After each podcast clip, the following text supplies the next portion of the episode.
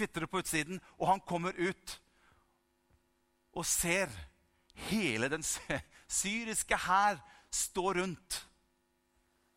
Og han klapper den duken fort igjen og tenkte Hva så jeg nå? Og åpner den en gang til og går ut, og han ser helt riktig. Hele syrerhæren står rundt og venter på at de skal komme ut. Og tjeneren løper inn igjen, henter Elisha og sier du må komme ut og se. Og Elisha står opp, han har sikkert litt bustet i håret. Jeg liksom ser for meg Elisha som litt sånn småbustete, litt sånn sovet godt på natta. Kommer ut, og, og, og for det første så ser han en skrekkslagen tjener stå på utsiden av teltet og ser utover. Og han sier, hva, hva, er det du maser om? Hva er det, hva er det som skjer? Se! Så kommer han ut, så kommer Elisha ut, og så ser han, han ut. Og så holder han hånden over han. Ja, ja, og så da? Ja, men se! Ja, hva er det som er så Jeg ser jo Jeg ser jo at det er en del folk her. Jeg ser jo at det er mye militære her. og hva, hva er greia? Ja, Men ser ikke du hva som er utfordringen vår? Så sier Elisha noe spesielt. Så legger han hånd, legger han hånd rundt tjeneren sin så sier han, 'Herre, åpne opp tjeneren min sine øyne' så han kan få se noe annet med noen andre øyne som er like virkelig som hans fysiske øyne. Herre, åpne opp de øynene, så han kan se hvem som er med oss. La han få lov til å se inn i din verden, Gud, og la hans indre øyne få lov til å begynne å se noe mer enn det hans fysiske øyne på utsiden gjør. Og det står da åpnet Herren tjenerens øyne, så han fikk se. Det var ikke de fysiske øynene som du går til øyenlege for å fikse. Det var de indre øynene som plutselig Herren åpnet opp. Og tjeneren så at overalt var Herrens armé rundt dem på alle sider. Og de var mange flere enn de som var for hans fysiske øyne. Vet du hva det står i min bilde Det står at 'sterkere er han som er i meg, enn han som er i verden'. Står det det, eller står det ikke det? Det står det at han som er i meg, er større og sterkere enn han som er i verden. Plutselig fikk han sine indre øyne åpne, og plutselig så ser han noe mer enn det han så med sine fysiske øyne. Og det er noe av det som jeg har lyst til å dele med deg i formiddag. Hva ser du? Når du lever ditt liv, når du er oppe i situasjoner, hva, hva, hva er det du ser for noe?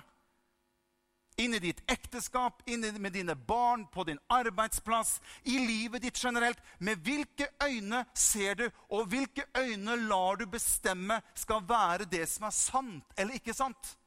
Hva ser du? Ja, det jeg ønsker å dele med dere i formiddag. Har fått med deg det nå? Du ser, men du ser uklart. En, en, annen tekst i Bibelen er jo dette som står om at uten visjon eller uten åpenbaring så går folket til grunne. Det å ha en visjon, å, å ha en visjon er jo egentlig det å se.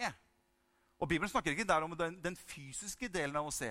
Men Bibelen sier at uten visjon går folket til grunne. Det vil si at Hvis du går til grunne i ditt liv, men du har fortsatt gode fysiske øyne, så er det noe som har med de indre øynene i livet ditt som trengs å gjøres noe med. Gud må få lov til å begynne å røre ved dine indre øyne, slik at ikke alltid de fysiske øynene For hvis du går til grunne på grunn av å ha gode fysiske øyne, så er det dine indre øyne som må gjøres noe med. Amen. Så det går an å gå til grunne i livet sitt med gode fysiske øyne. Det er derfor Bibelen sier at uten visjon går folket til grunne. Hva har det å gjøre med de fysiske øynene? Nei, ingenting. Men det har med de indre øynene, hvordan du og jeg ser livet vårt. Så livet vårt er mye mer avhengig av hvordan vi ser med våre indre øyne, enn hvordan vi ser med våre ytre øyne, våre fysiske øyne. Halleluja. Og Jeg har skrevet her at du er nødt til å være villig til å ha en ydmyk holdning i forhold til hvordan du ser ting. Hvis ikke du og jeg er villige til å forandre og, for, og, og, og evaluere på hvordan vi ser på ting, så vil det slå tilbake på deg selv.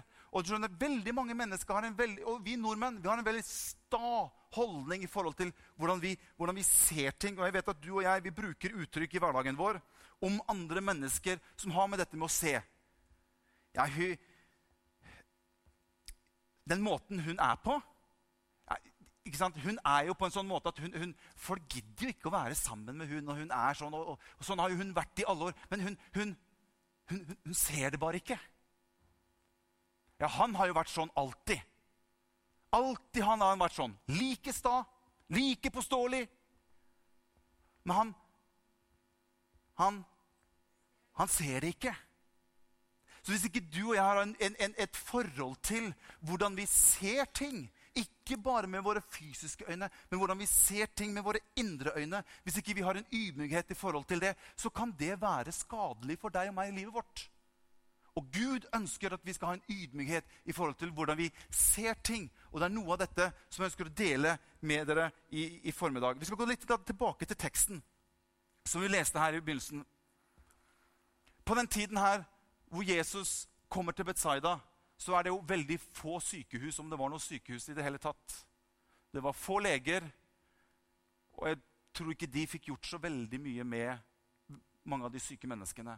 Og ofte så gjorde man slik at de syke menneskene de, de, de, man, man, måte, man, satte den bort for seg selv. De spedalske de var liksom med de spedalske. De blinde var sammen med de blinde. De halte og uføre var ofte sammen med de halte og uføre. Og det var massevis av syke mennesker. Og inn i denne tiden kommer Jesus, legenes lege. Legen over alle andre leger. Han kommer inn i denne samtiden.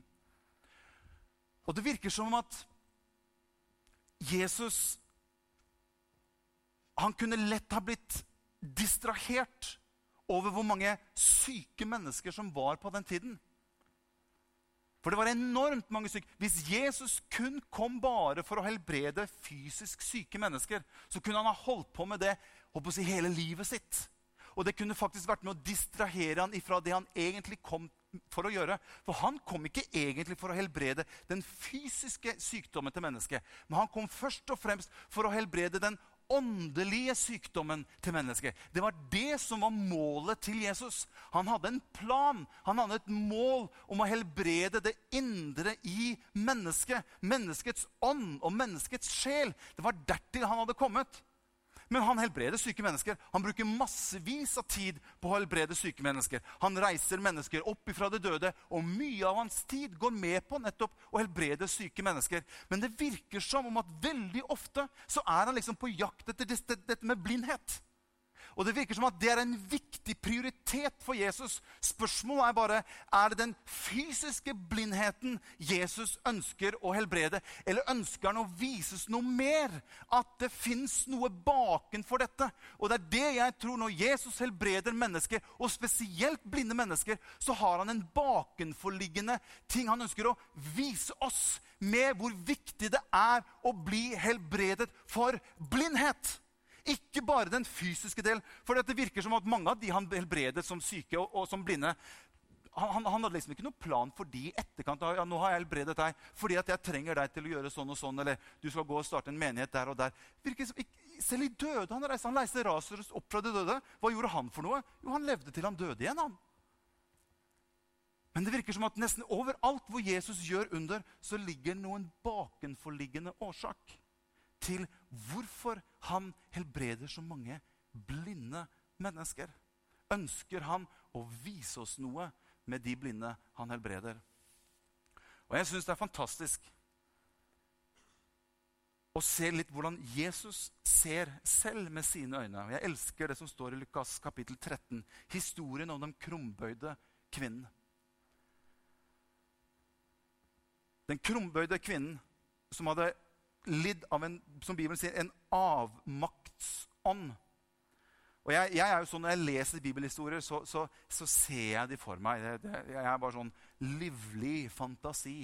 Jeg ser det for meg. Og det står at i 18 år kom denne kvinnen, den krumbøyde kvinnen til synagogen. I 18 år kom hun hver, hver lørdag på møte i synagogen. Hun dro seg dit, ned dit for å komme seg på møte, for å reise hjem igjen samme i lik tilstand som når hun kom. Full av smerter. Men likevel så var det et eller annet i denne kvinnen som gjorde at 'jeg kommer', 'jeg går'. Og i 18 år hadde hun lidd av denne avmaktsånd. Og denne søndagen kommer hun. Og Det står så fint det står at Jesus hadde begynt å undervise i synagogen denne søndagen, eller denne lørdagen som han møter på. Vi sier at det er søndag. Skal vi gjøre det? Sånn at vi liksom kjenner oss litt på hjemmebane. Lørdag har vi fri denne søndagen, og Jesus hadde begynt å undervise i tempelet. Jeg tenker at denne kvinnen hun kanskje tenkte den morgenen at er det noe vits i for meg å, å gå? Nå har jeg gått i 18 år. De, de, de, til, til, og med paktens ark var borte. De sto foran et forheng som dekket et tomt rom, som egentlig paktens ark, hvor Gud hadde vært en gang. Selv den var ikke der. Enda så kommer hun søndag etter søndag. Og Til slutt så bestemmer hun seg for jeg går denne dagen også. Og Hun kommer kanskje litt sent pga. hennes tilstand, hennes fysiske tilstand. Og Jeg ser for meg når hun kommer inn og begynner å kjenne at det er noe annerledes i atmosfæren denne søndagen. Det var noe annet med stemningen når hun kom inn i synagogen denne søndagen.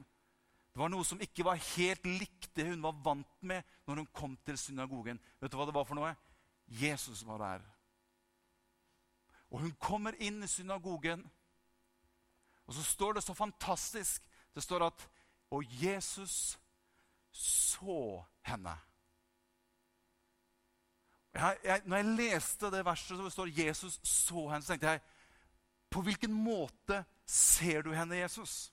Jeg er sikker på at Jesus så henne med sine fysiske øyne og så hennes fysiske tilstand. Jeg er sikker på at Jesus så henne og skjønte fort hvilken lidenskap hun har gått igjennom, hvilken smerte hun har vært igjennom, hvor mange tårer hun har grått på veien hjem ved å reise hjem fra møtet i akkurat samme form som når hun kom. Jeg er sikker på at Jesus så alt dette med sine fysiske øyne. Men hør, Jesus hadde noen andre øyne han så med. Og det er de øynene som jeg vil at du og jeg skal få litt mer opp i vår bevissthet. Det står at Jesus så henne. Så står det og han kalte henne til seg. Jesus sa ingenting til denne kvinnen om at 'nå skal jeg helbrede deg'. Men Jesus begynner, han ser henne, og så begynner han å si ting til denne kvinnen som hun selv ikke visste om. Hun begynner å gi denne kvinnen kunnskap om ting hun ikke vet. Så vet du hva han sier for noe? Han sier, 'Kvinne, du er løst fra din plage.'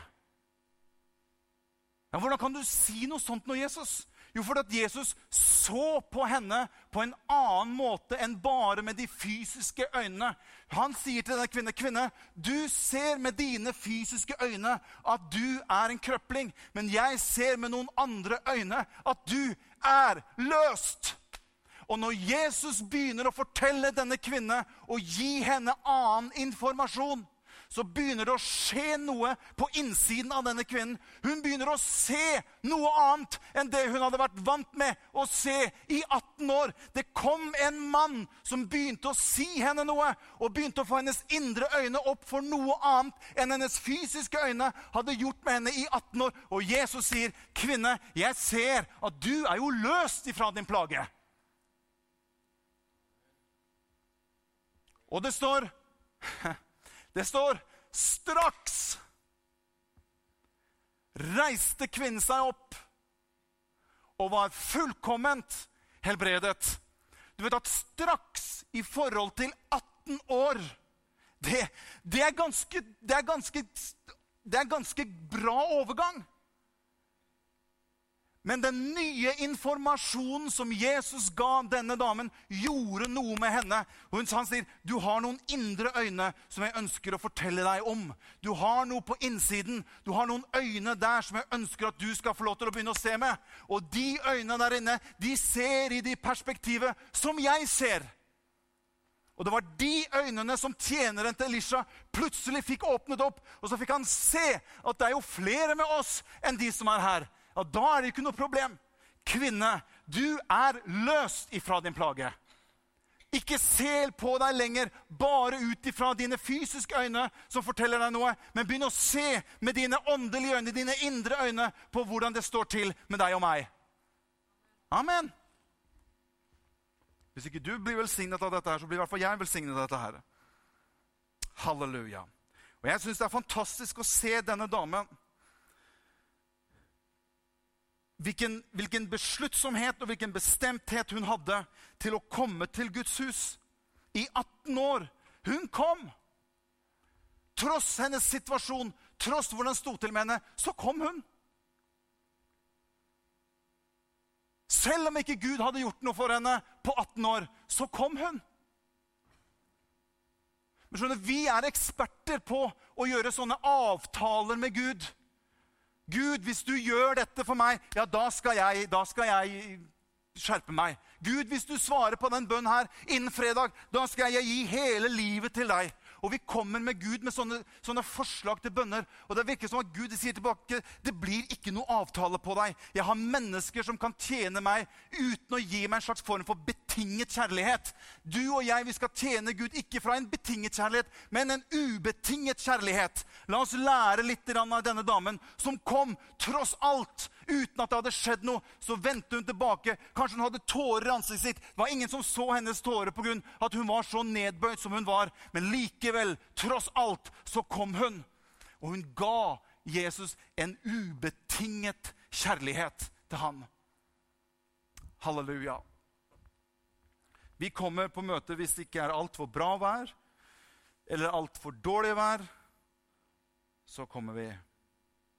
Men dere som er her, er jo fantastisk flinke å komme. Halleluja. Straks retter hun seg opp. Det står at hun står av seg selv. Og så står det at hun bryter ut i lovprisning. Og alle rundt henne ble glade, unntatt fariseerne. Det er alltid noen som ikke er glad når Gud gjør noe. Alltid noen som er skeptisk når Gud begynner å bevege seg. Men hun brøt ut i lovprisning. Tenk deg det. Etter 18 år så står hun der fullkomment helbredet og priser Jesus. Halleluja. Vi skal gå videre. Du skjønner, Det er dette som Paulus skal bare gå litt inn i teksten igjen. Det er dette som Paulus snakker om i Efeserbrevet kapittel 3 og vers 17. Det er det siste skriftet jeg har til dere. Efeserne kapittel 3 og vers 17. Paulus han sier, 'Jeg har en bønn til dere', sier han. Så skriver han her til, til menigheten i Efesus sier han, 'Jeg ber om at vår Herre Jesu Kristi Gud, herlighetens Far, må gi dere visdoms- og åpenbaringens ånd i erkjennelse av Han.' Og så står det, 'Og at deres forstands øyne blir opplyst'. Så sier han, 'Slik at dere kan vite og forstå' hvilket håp dere fikk ved hans kall, og hvor rik på herlighet hans arv er blant de hellige, og forstå hvor overveldende stor kraft er for oss som tror, etter virkningen av hans mektige kraft. Det er dette Jeg visste ikke at mine forstand, min forstand hadde øyne, men de har tydeligvis det. Det var det Paulus, Jeg ber om at han skal gi deres forstands, deres indre øyne, at de blir opplyst, sånn at dere kan vite og at dere kan forstå. Det er jo akkurat dette Jesus poengterer når han helbreder blinde mennesker. Det var ikke i første omgang den fysiske delen, men det var nødvendigheten av å ikke være blind på innsiden med de indre øynene. Og Det er det Paulus sier her. Jeg ber om at han må gi deres indre øyne forstand, slik at dere kan vite og forstå. Og så er det tre ting som jeg bare helt kort, kort ønsker å si. Hva er det han ønsker? Han ønsker å fortelle hvilket håp du har fått ved hans kall. Det er de indre øynene dine som ser. Hvilket håp du har fått ved hans kall. Hva er det for noe? Jo, det er den planen han har for deg. Hva Gud håpet på når han kalte deg, hva Gud håpet på når han skapte deg. Hvilket håp hadde Gud for ditt liv? Hvis du vil vite det, så trenger dine øyne, dine indre øyne å bli åpnet opp, så du kan begynne å se det. Skjønner, vi har tendens til at vi lever livet vårt som en sånn kokk uten kokebok. Ja, jeg, jeg tar litt av dette her, og så, og så, blander jeg litt her. Og så tar jeg litt av dette her inni, og så blander vi, og så rører vi godt rundt i grytene våre. vet du. Og så hvis du spør ja, men hva er det du lager for noe Nei, pff, det er en eh, Det er en Det er en eh, Det er i hvert fall originalt. For det er bare jeg som eh, Jeg har i hvert fall gjort det sjøl. Og dette her er en fisk en, Det er en, en marinert fiskegrateng med litt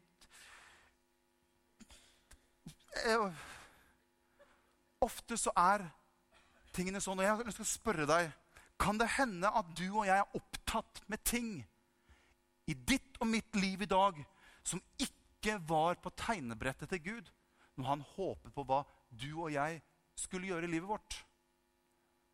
Derfor er det så viktig at våre indre øyne begynner å se. Det andre som han, Paulus sier er viktig, det er at du og jeg får se hvor rik på herlighet hans arv er hos deg. Hans arv, Jesus sin arv, har han lagt ned i livet vårt. Og det er de indre øynene våre som kan begynne å skue inn i hans arv for oss. Det er jo fantastisk. Utrolig. Og punkt nummer tre hvor stor kraft som er tilgjengelig hos den som tror. Hvor mye kraft som er tilgjengelig hvis du og jeg tør å tro Han, så har Han mer enn nok kraft til å gjennomføre det du og jeg setter oss fore, det vi tør å tro Han for. Det har Han mer enn nok kraft til å, til, å, å, å gi til deg og meg. Amen? Ser du hva som er tilgjengelig for deg? Og helt til slutt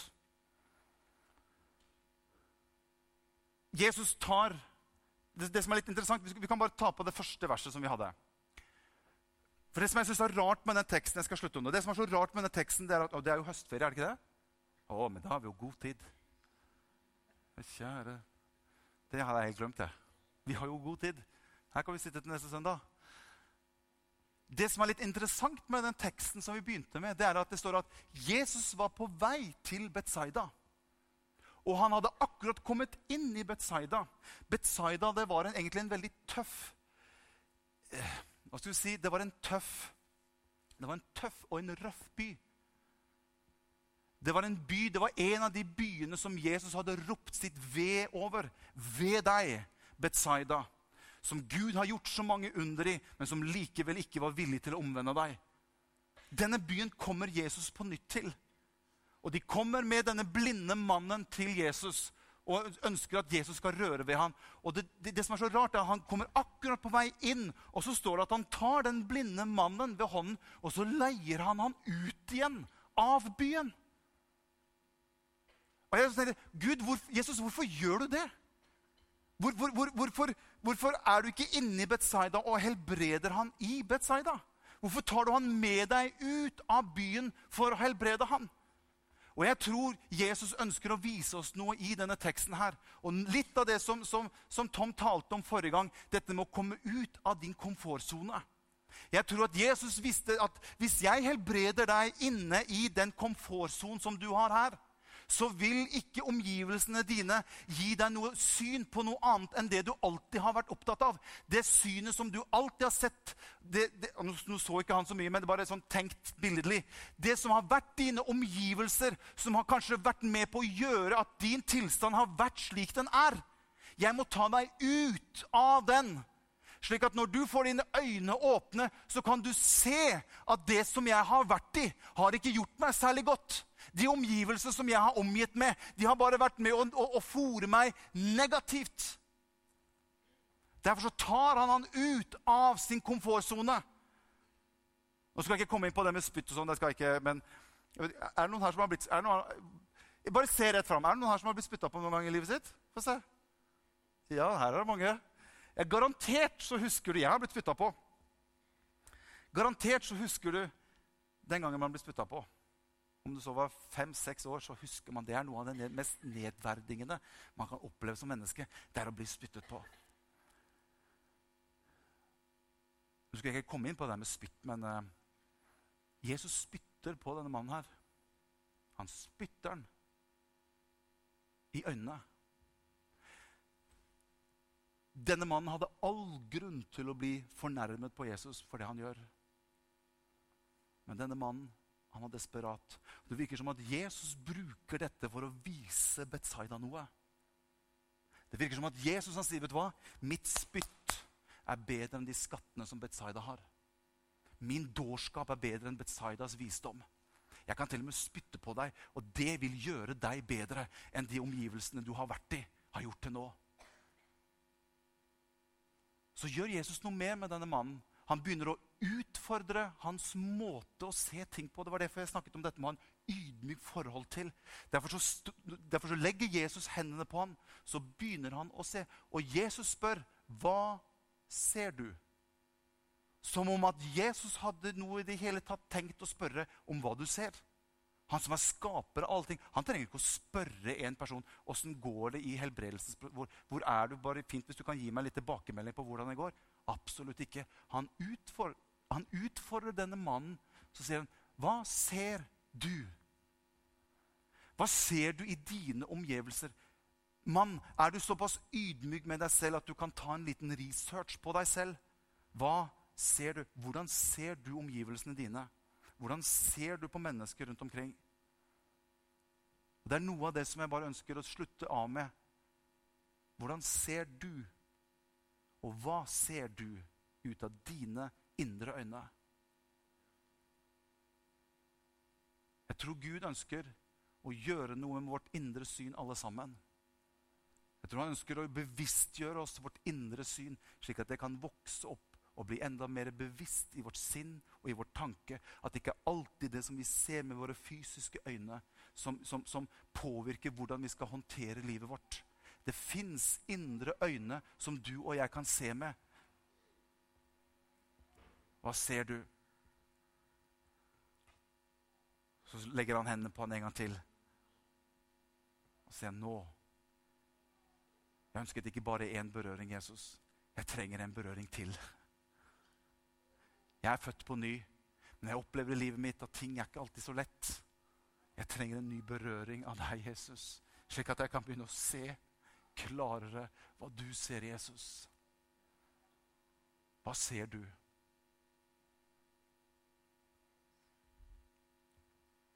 Se, jeg skaper noe nytt. Det spirer allerede frem. Så sier han, Merker dere det ikke? Gud kan gjøre ting nytt uten at du og jeg ser det. Det er derfor han sier, 'Se, jeg skaper noe nytt.' Merker du det ikke? Har ikke du indre øyne som ser når jeg gjør noe? Og Jeg tenker også i den situasjonen vi er som menighet. Gud, han gjør noe nytt iblant oss. Merker vi det ikke? Ser vi det ikke? Gud ønsker at vi skal få våre indre øyne åpnet, så vi ser hva Gud ønsker å gjøre i tiden fremover. Han ønsker at du skal begynne å se mennesker i Asker og Bærum på en helt ny måte. Han ønsker å se mennesker som denne krumbøyde kvinnen. Ja, ja, det er synd på dem, men vi kan få lov til å begynne å se dem gjennom Jesus sine øyne. Vi har et budskap til mennesker om utfrielse og hjelp og håp for fremtiden. Halleluja. Kan vi ikke reise oss opp, alle sammen?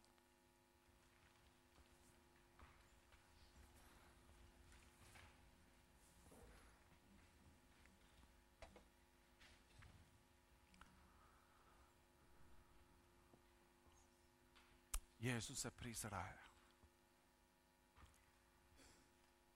Halleluja.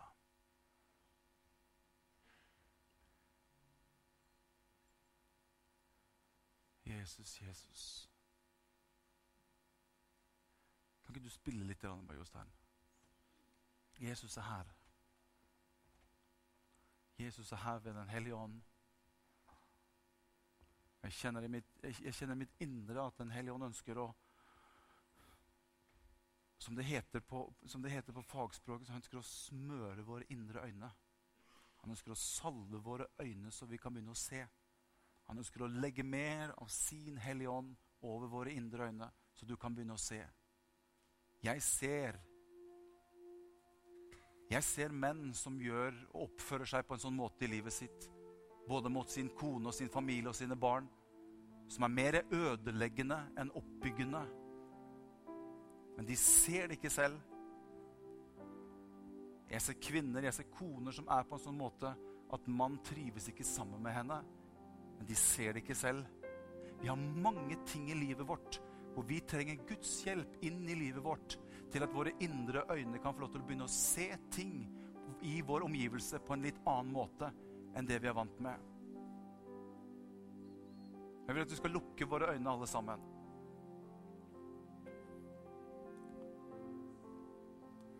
Jeg kjenner mitt hjerte. Den hellige ånd sier at du trenger å begynne å se ting på en annen måte. Du har vært altfor sta i måten du vurderer ting på, i måten du gjør ting på, dine meninger og dine oppfattelser.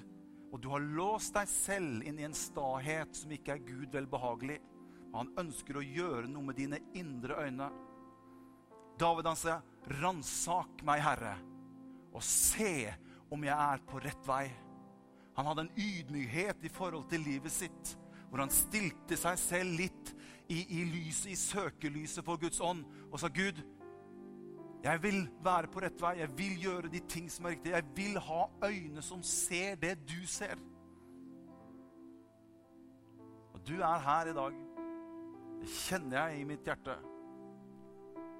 Jeg tror det er mennesker her Du har ikke sett Jesus i det hele tatt. Ditt hjerte har ikke fått lov til å oppleve Jesus og se Jesus. Du har kanskje hørt om han, men ditt indre har ikke ennå fått lov til å få øye på han. Og Jesus er her i formiddag. Han ønsker å opplyse ditt hjerte, så du kan få lov til å se Jesus klart. Hvis det er noen som er her i formiddag som ikke opplever at de har sett Jesus, ikke har opplevd å ha fått den indre opplevelsen med Jesus Bare mens vi har våre øyne lukket, kan ikke du bare løfte opp en hånd, sånn at bare jeg ser den? Jeg trenger å se Jesus klare. Det er én hånd der. Gud velsigne deg. Er det flere? Er det flere?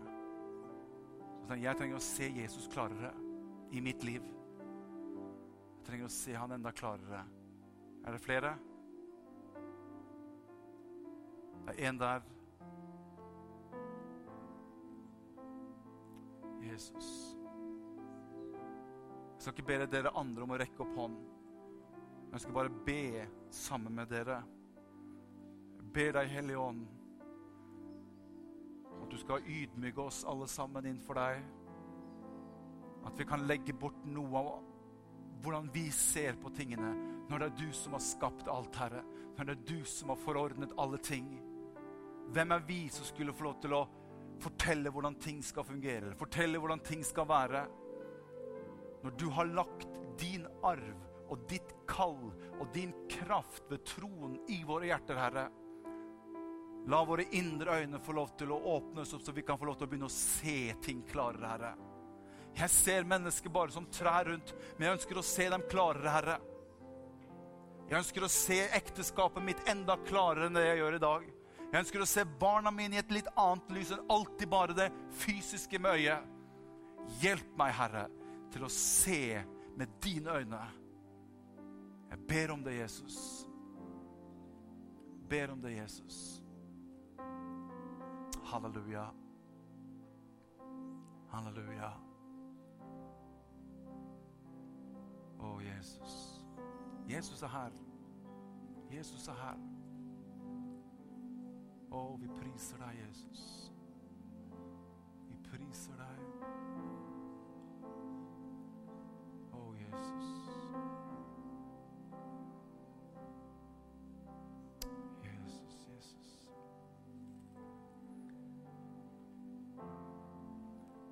Å, Jesus.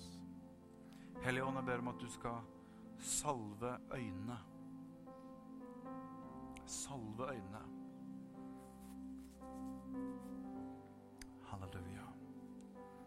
Halleluja. Jeg ønsker å Jeg ønsker å gi en invitasjon til dere som ønsker at vi skal bare raskt legge hendene på dere i forhold til dette med å ha øyne som er salvet av Den hellige ånd, til å se. Det kan ha kanskje mer med din tjeneste å gjøre. Jeg har lyst til at du skal komme fram, så kan du stå foran den her. Jeg ønsker bare å være med å legge hendene på deg. Jeg ønsker at Herren skal salve dine øyne. Olje til å ha på øynene dine. Kom i Jesu navn. Jesus er her nå. Kom i Jesu navn. I Jesu navn. Du kan få se klarere hva Gud har kalt deg til. Se klarere inn i det håp og det kall som han har gitt deg. Se klarere den arv som han har lagt ned i ditt hjerte. Se klarere hvilken kraft som er disponibel for deg i ditt liv, i det Herren har kalt deg til. Olje til å ha på øynene, til å se til å se. Halleluja. Jesus er her. Jesus er her. Den hellige ånd er her. Halleluja. Halleluja. Dere som står nede, vær med å be. La oss bare ha dette stedet som et sted hvor Den hellige ånd kan få virke. Halleluja. Den hellige ånd ønsker å hjelpe deg inn i situasjoner som du syns er vanskelig. Du har så lett for å se på deg selv med dine fysiske øyne. Men Den hellige ånd skal åpne opp dine indre øyne. Bare trekk godt innover her. Trekk godt innover her. Jesu navn. Hellige ånd, åpne opp mine øyne, så jeg kan få se. Jeg kan se hvor du har kalt meg til. Halleluja.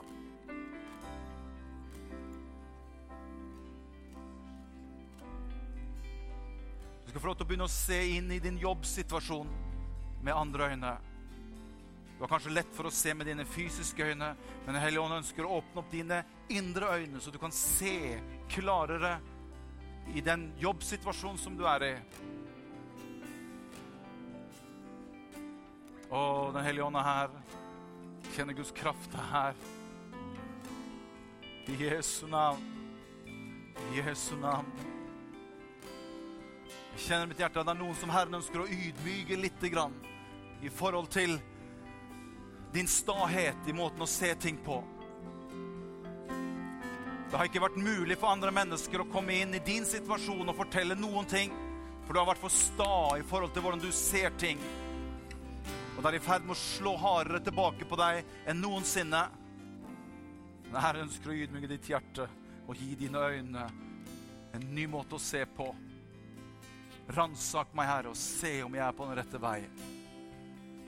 I Jesu navn. Dere som er veiledere som pleier å være med å be for mennesker, kan dere være med å hjelpe? Å, Jesus. Kanskje vi har en sang eller sånt vi kan synge? Jesus. Å, Jesus. Elskede Jesus. Halleluja. Vi må synge. Jesus. Ingen kan sammenlignes med Elskede Jesus. Elskede Jesus, Du er den eneste.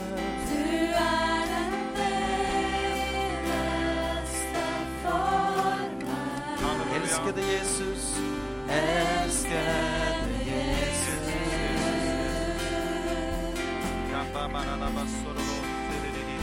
Ingen kan sammenlignes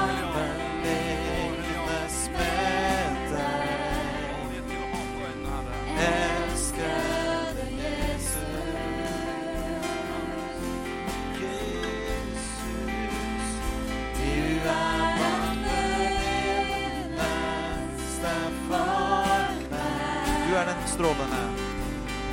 Du er den strålende morgenstjerne, den fremste blant de tusen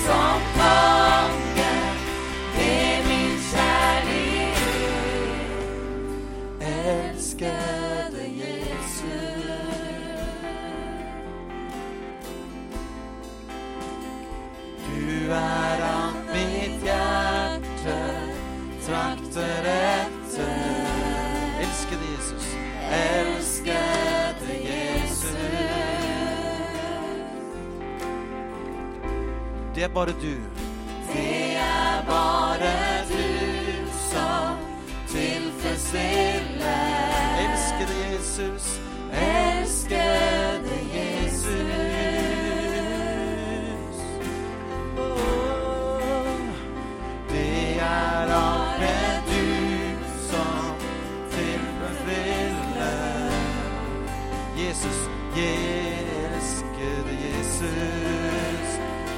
bare du som tilfredsstiller.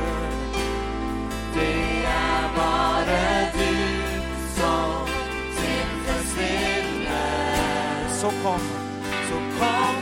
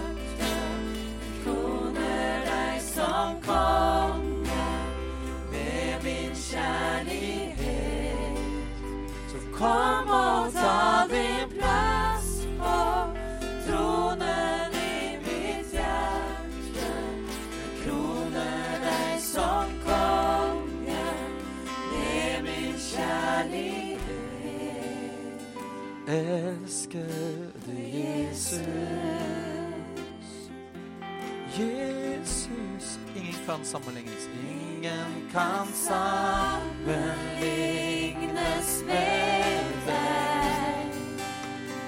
Elskede Jesus. Oh, du er den eneste. Du er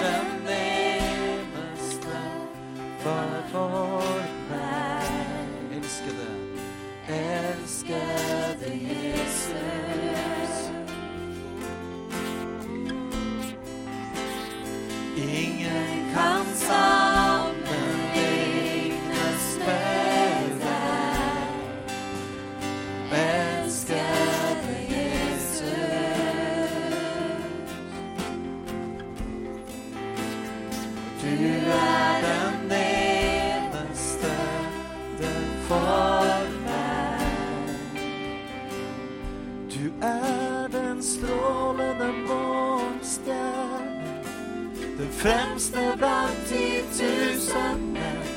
Du bor i et lys ingen kan nærme seg. Du er den første og den siste, hersker over kongene på jorden. Du skjønnet over alt